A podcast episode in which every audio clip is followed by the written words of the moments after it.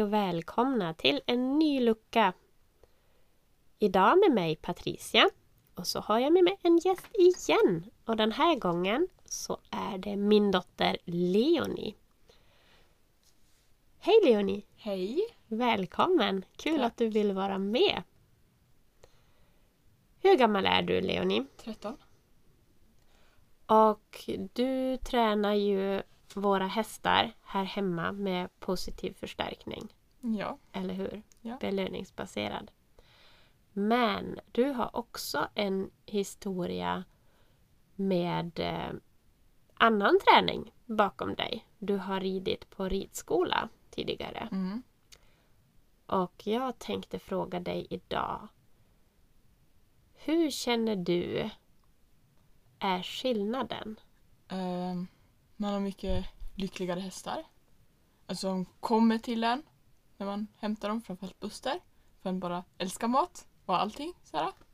Ehm, och man kan göra mer av vad man vill och man har så mycket mindre stress.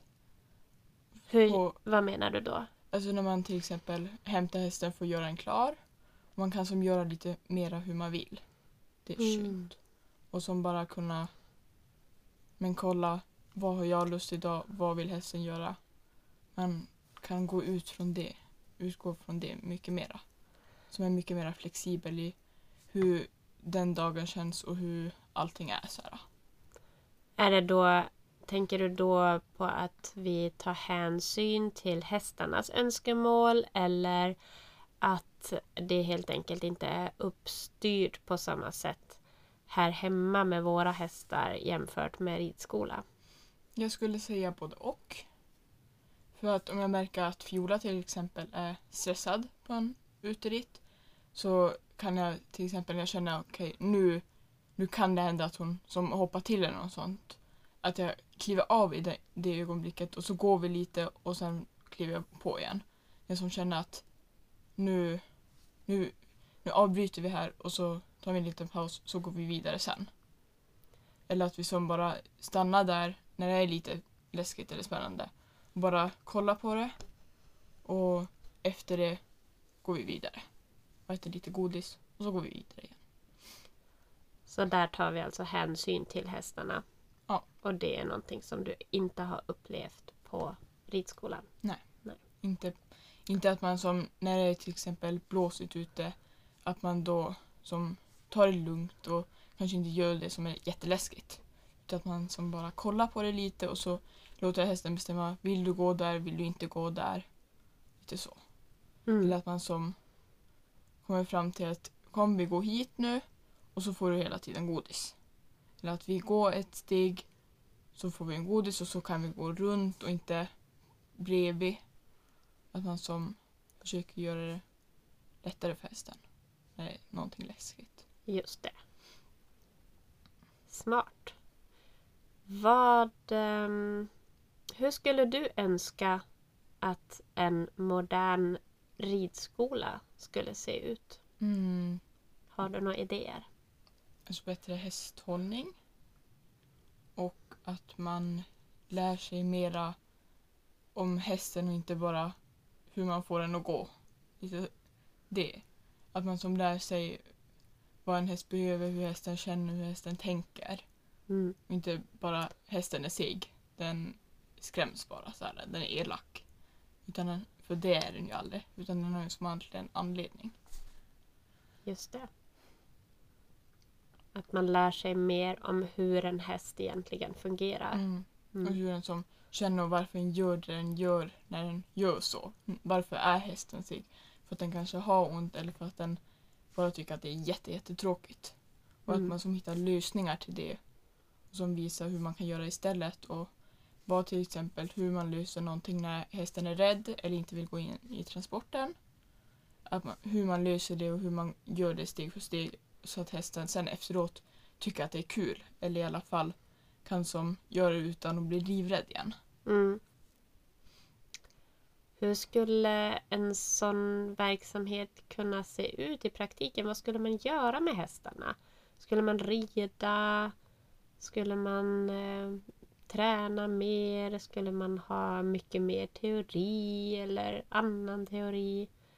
Mm, det är väl, alltså i alla fall också rida tycker jag.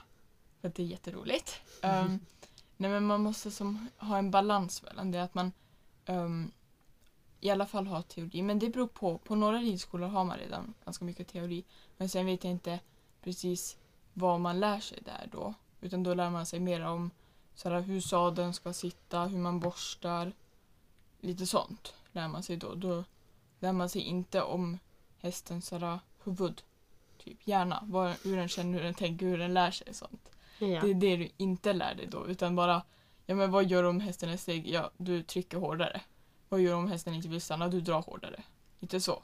Mm. Så hur sitter sadeln och sånt. Men det är ju som, det är bra att kunna men det kan inte bara handla om det. En häst ju som inte bara hur ska sadeln sitta och den har fyra ben.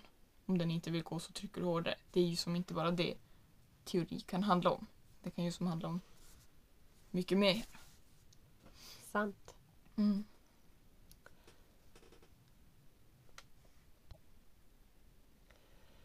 Har du något tips Leonie till andra unga eller barn som vill börja klickerträna sina hästar? Ehm, ja, man behöver ju egentligen ingen klicker ens. Man kan ju använda tungan för som så.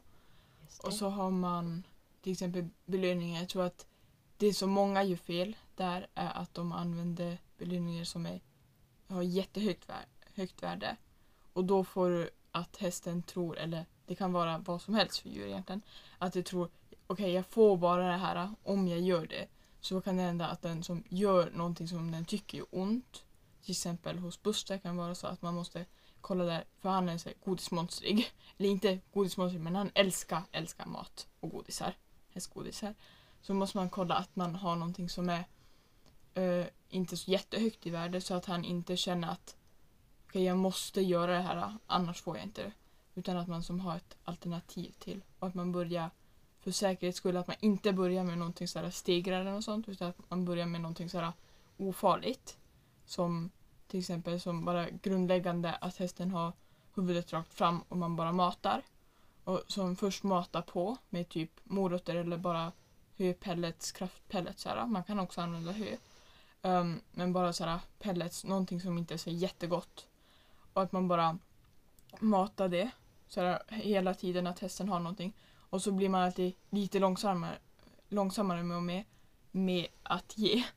Och eh, att man kollar att hästen, när den, om den skulle kolla till dig, att den som, när, precis i det ögonblicket när den kollar bort igen, att du klickar och ger godis igen. Som belönar för att den inte kollar på dig, utan att den bara vänder blicken från dig. Så här. Att man gör det, eller alltså inte stegra i alla fall, eller vifta på hoven eller något sånt. Det är inte roligt ha det. Um, För att det kan bli farligt. Ja, och det, det som är här är ju att det beteendet som man tränar in först är ofta det beteendet som Faller hästen till. faller tillbaka till när den inte riktigt vet vad den ska göra. Så det blir som ett så kallat default Mm. beteende. Hur? Precis som hos Mm. Buster där med Mm. att vifta på hoven. Inte så jättemysigt ändå om man är liten. Så det är som inte, inte skönt. Och sen Fiola, hon, första saken hon lärde sig, så första tricket var typ att le. Men det är inte så, det är inte jätteförstärkt. Så hon har aldrig, hon gör aldrig det. Utan hon är också en sån här häst, men om du inte ger mig någonting då går jag, hej då. Lite så. Eller jag följer bara efter. Men hon, gör, hon hittar inte på någonting då. Utan hon bara, ha, vad ska vi göra nu då? Lite så. Inte så många idéer själv utan bara vänta. Bra pausbeteende helt Ja. enkelt. Mm. Det var allt för idag.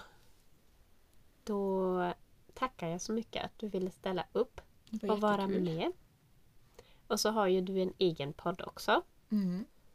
som heter Hästarnas egna podd och finns på Spotify och jag tror de flesta andra ställena där Mm. man kan lyssna.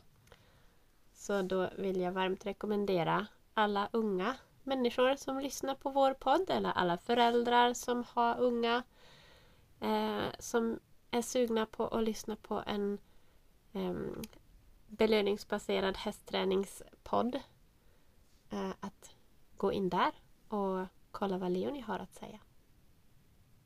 Hej då!